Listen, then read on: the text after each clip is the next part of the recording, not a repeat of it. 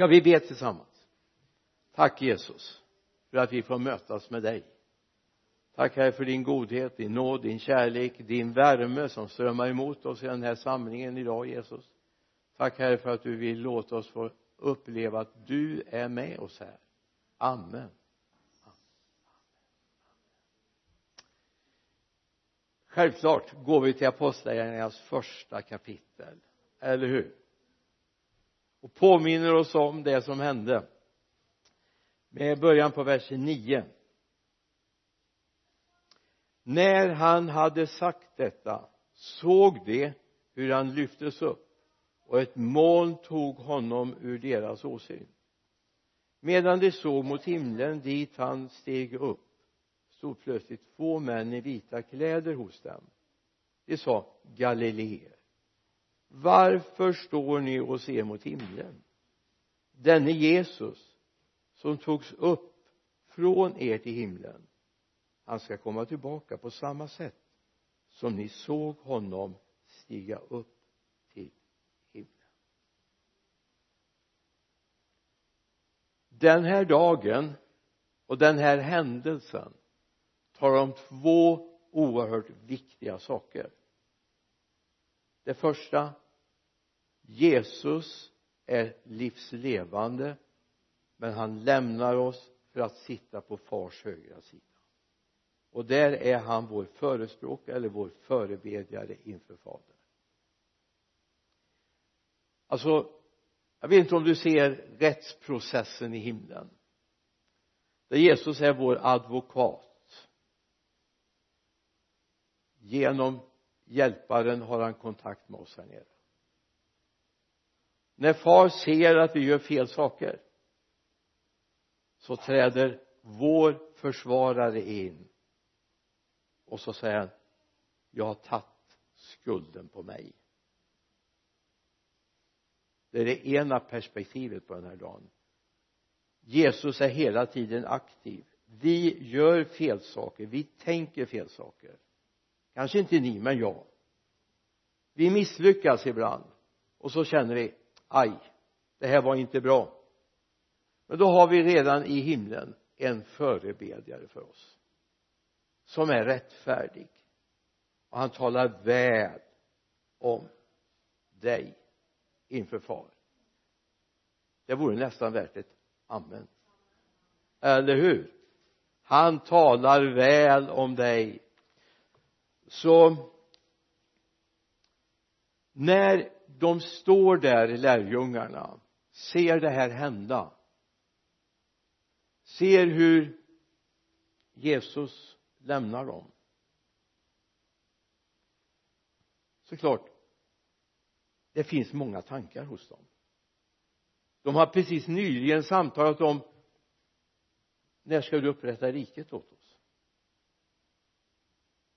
Besvikelsen 40 dagar tidigare när Jesus dör på korset.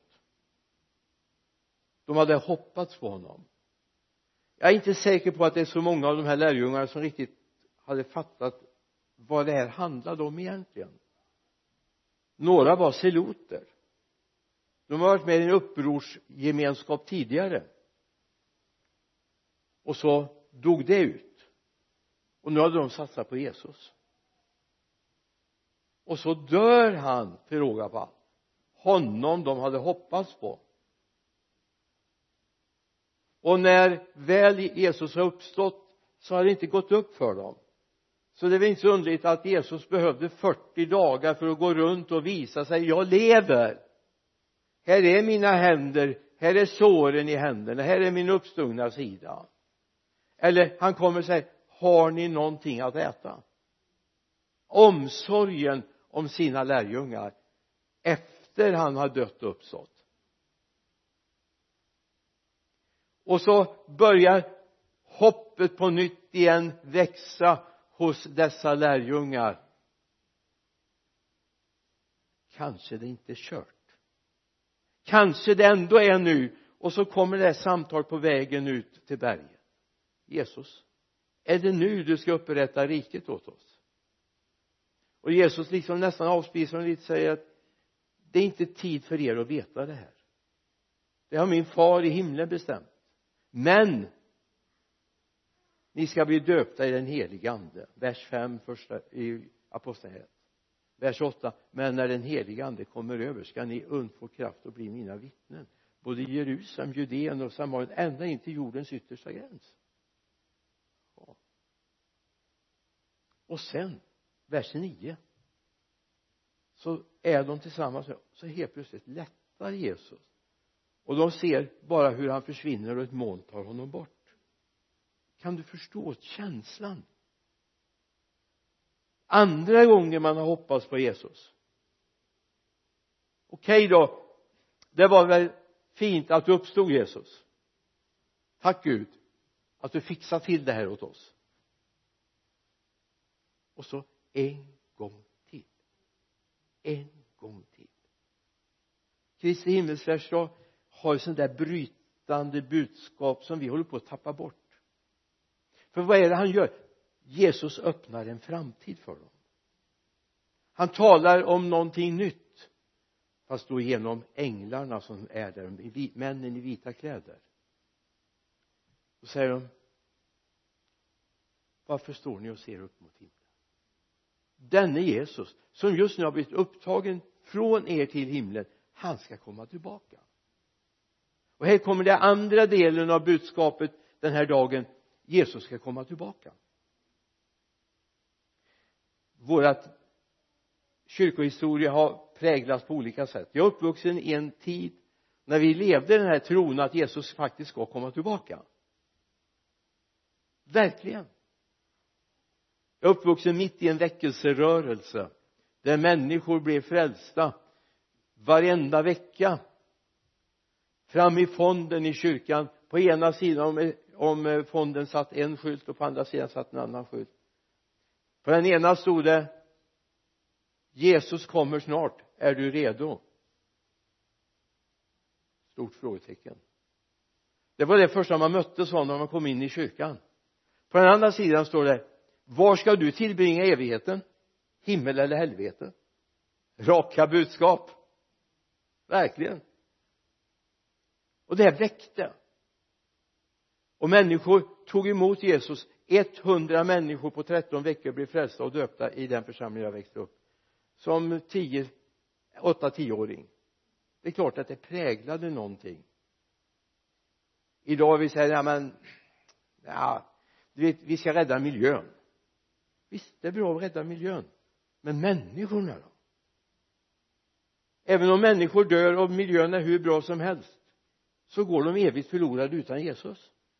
Det finns ingen annan väg till fadern än genom Jesus Kristus.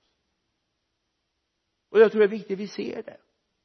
Det är bra att vara rädd om den skapelse som Gud har satt oss att förvalta. Det är ju själva grunduppdraget redan från första Mosebok och det första och andra kapitlet talar om det. Men människorna då? Inte ska de gå evigt förlorade. Därför vi är så måna om den skapelse vi är så vi glömmer berätta för dem att det ska bli en ny himmel och en ny jord där rättfärdighet bor. Det är budskapet de här änglarna har. På samma sätt som ni sett honom fara upp ska han komma tillbaka han ska komma tillbaka till den här jorden och vi ska få chans att vara med honom. Ja det är bra. Jag bara vill kolla så ni inte har somnat. När jag växte upp så var det väckelsemöten alltså jag har hört mycket om väckelsemöten i vår tid men mycket av de väckelsemöten vi har idag är sovmöten istället. Klappa lite försiktigt så att inte människor tar skada när jag växte upp så var det väckelsemöten som väckte människor både läsare och icke-läsare. Och de insåg att vi har ett jobb att göra. Vi har ett uppdrag. Vi har någonting att göra i den här världen. Att rädda människor. Att visa på Kristus i våra liv. Och de som inte har tagit emot Kristus behövde få göra det för att ha en chans att få vara med när han kommer tillbaka så det var ingenting att stryka medhårs och säga nej men ta det inte så allvarligt. Det är allvarligt. Det finns dubbla utgångar på det här jordelivet. Det här hade jag möjlighet att fundera väldigt mycket på under några år när jag jobbade som begravningsentreprenör och ständigt konfronterades med döden. Min uppgift var att åka till hemmen där människor hade avlidit eller olycksplatser där människor hade omkommit och ta hand om människor. Och då menar jag inte de döda i första hand utan de som fanns runt omkring. Att få sitta vid en vägkant eller i ett hem vid ett köksbord och tala om att det finns ett hopp det finns en framtid. Inte för att lova dem himmel och salighet för de som har dött det har jag ingen möjlighet att göra därför jag vet inte men tala om att de kan få en framtid och ett hopp. Jag kanske höll mina bästa väckelsepredikningar när jag satt i hem där människor nyligen avlidit. Och berätta jag tror på en framtid jag tror på ett hopp. Jag lever med det varje dag. Jag umgås med honom som väntar på oss där hemma. Det finns en framtid och ett hopp. Han ska komma tillbaka på samma sätt är du med på det? Är du beredd? För helt plötsligt den här stunden förlängs perspektivet för lärjungarna. Och jag har en dröm, en längtan att den här gudstjänsten, den här dagen i sin helhet ska ge oss ett perspektiv som är längre bort än nästa vecka eller nästa månad, nästa år vi ska upptäcka vi har en framtid. Vi har ett hopp. Vi har en möjlighet som går bortom döden. Vi har en som ska säga välkommen hem.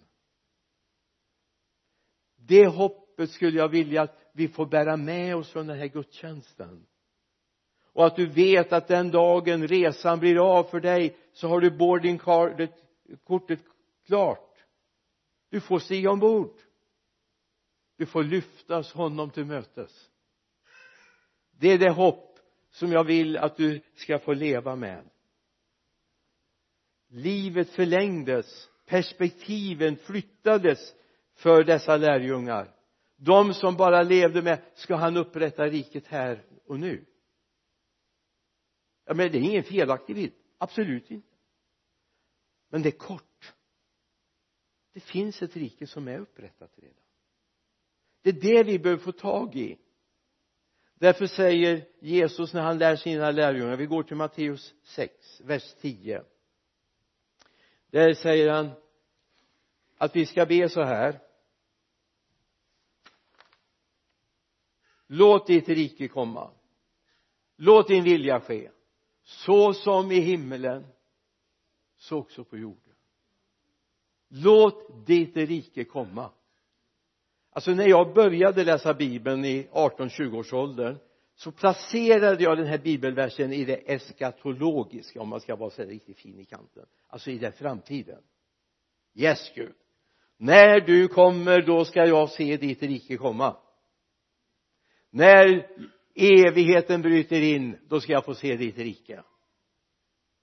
Men helt plötsligt upptäcker jag det handlar ju om här och nu tillkommer ditt rike. Låt din vilja ske som sker i himlen. Också på jorden. Och så långt jag förstår när jag tittar på er så ser jag att vi är kvar på jorden. Eller hur?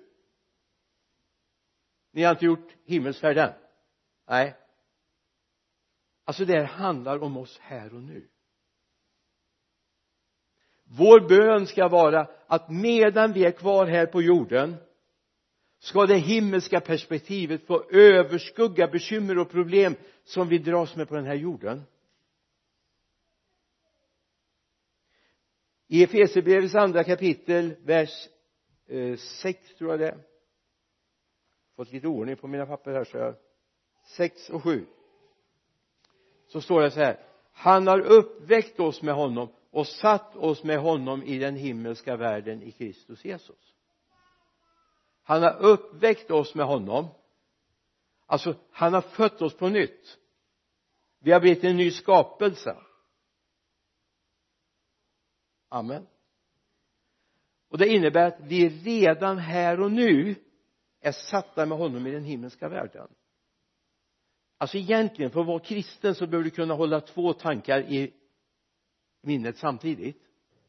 Det ena allt det jag ser när jag läser nyhetsrapportering, hör tv-nyheter och radionyheter och så upp tidningen läser på facebook så ser jag att vi är, vi är ju en väldigt ond värld. Eller hur? Alltså en jättestor nyhet här för ett tag sedan den tog slut nu tyvärr var att det hade inte hänt några dödliga skjutningar i Göteborg och Malmö under hittills i år. Nu tyvärr bröts det i Partille det skulle väl vara naturligt att man inte skjuter varandra. Eller hur? Vi är inget villebråd. Oavsett om vi är med i en, en grupp som är destruktiv eller ej. Det är en stor nyhet i en trasig värld. I den världen finns en piratvärld. Guds värld och det är du och jag. Vet du med att du är med i en revolutionär grupp i den här världen? Känner du att du är lite revolutionär? Hoppas du känner det. Därför det är sant, du är det. Därför mitt i den här trasiga världen tillhör vi en grupp människor som har vårt hjärta hos Jesus, eller hur? Och som vi leva och vi har bett den här bönen. Herre låt din vilja ske som sker i himlen. Låt den ske här på jorden. Amen. Jag säga do it. Gör det. Det är tid nu. Vi ska förändra den här världen. Vi ska inte bara sitta där och tänka ja men det är ju hemskt att det här händer åh oh, att det är så bedrövligt i vår värld det är så mörkt. Jag slutar köpa tidningen. Så slutar det nog hända. Jag slår av nyheterna. Jag har jag tar bort facebook så jag inte ser allt som händer. Så helt plötsligt ja men det är ungefär som barnen som blundar och säger ingen ser mig. Allt för många kristna håller på med sånt vi ska förändra den här världen. Och då måste vi börja nå och förändra människors inre hjärtan. Deras sinnen. Därför vi är på väg. Och du och jag vi sitter med honom redan nu i den himmelska världen i Kristus Jesus. Samtidigt som vi är i den här destruktiva världen. Men den förhoppning som Kristi himmelsförstås budskap ger oss i vers 11 i första kapitlet i apostlagärningarna. Det är de här hälsningarna från de här männen i vita kläder. Så som ni har sett honom fara upp ska han komma tillbaka. Så som ni har sett honom fara upp ska han komma tillbaka. I eh, första Thessalonikerbrevets fjärde kapitel vill jag ta med två verser till dig. För perspektivet ska förändras en dag ska vi lämna den här destruktiva världen tillsammans med alla dem vi har vunnit för honom. En dag ska du bli rymdfarare. Kan man säga till Gagarin och kompani slänger i väggen. Nu gör vi en riktig rymdfärd det står i första Thessalonikerbrevets fjärde kapitel vers 17 och 18 läser vi bara. Du får gärna läsa hela sammanhanget. Därefter ska vi som lever och är kvar ryckas upp bland skyar tillsammans med dem för att möta Herren i rymden. Och så ska vi alltid vara hos Herren trösta därför varandra med dessa ord. Jag hoppas du känner en tröst i detta. Jag vet jag vet. Det är en tuff tid. Därför många har levt i kompromiss. Mångas hem kommer att brytas upp den dagen. Jesus berättar det här om två kvinnor som mal vid en kvarn. En rycks upp och den andra lämnas kvar. Två kommer ligga i en säng. En rycks upp och den andra lämnas kvar två arbetar på åkern. Den ena rycks upp och den andra lämnas kvar. Det kommer en skilsmässa. Vad viktigt det är att vi ser till att inte det går rätt igenom våra egna hem. Så att inte en blir kvar.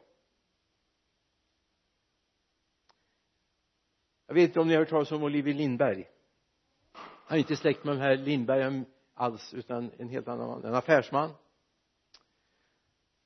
som eh, de tillhörde både han och hon eh, en kyrka där de bodde. Hon blev uppfylld av en helig ande. Hon blev oerhört och hon bara längtade efter att få känna Gud. Oliver han ville bara tjäna mammon. Han hade ett framgångsrikt företag. Hon bestämde sig för klockan tre varje natt ska jag gå upp böja mina knän vid sängen och be? Och det är klart det går bra första veckan. Och sen kommer andra veckan då vill man gärna sova över den där klockan tre. Men hon fick hålla på ett halvt år. Och be varje natt för sin man. En morgon vaknar han och säger ska vi gå till kyrkan idag? Det var en söndag morgon? Och hon får chock. Och så kapitulerade han. Namnet hade han att han var kristen. Visst. Han till och med stod med i en församling matrikel men det är ingen garanti. Absolut inte. Utan man har inte livet. Där kapitulerade han och sen blev han en Guds affärsman. Han åkte runt och hade gudstjänster och fick be för människor. Han visste vad det var att vara fångad i mammons garn. Han visste det. Han kunde varna och han kunde lyfta fram Guds ord. Vi hade honom på en mötes eller ett mötestillfälle där jag var pastor en gång i tiden vår framtid är ljus och lång, eller hur? sjunger vi en gammal läsarsång. Vår framtid är ljus och lång. Jag hoppas du känner det. Att din framtid är ljus och lång. I uppenbarelsebokens 21 kapitel ska vi bara se en liten inblick i det vi längtar efter utöver att vi möter, vi möter Jesus. Vers 23 kapitel 21 staden behöver inte solen eller måne för att lysa. För Guds härlighet lyser upp den och dess lampa är lammet. Och folken ska vandra i dess ljus och jordens kungar ska föra in sin härlighet i den. Dess portar ska aldrig stängas om dagen. Natt ska inte finnas där. Och folkens härlighet och ära ska föras in i staden. Aldrig ska något orent komma in i den. Och in inte heller den som äger, ägnar sig åt skändliga ting och lögn utan bara det som är skrivna i lammets bok och som tillhör lammet. Bara de ska komma in. Det är vår framtid. Det änglarna säger till lärjungarna i en mycket brydsam situation. Jag förstår ni ser mot himlen på samma sätt som ni har sett honom fara upp ska han komma tillbaka. Nu skulle vi behöva eskatologiskt gå igenom och titta lite grann på Jesu första och andra tillkommelse. Eller andra och tredje kanske vi ska säga. Men Jesus ska komma tillbaka och du ska få vara med honom. Och det prästadöme och det kungaskap och kungavärdighet som du redan har ska du få aktivera fullt ut.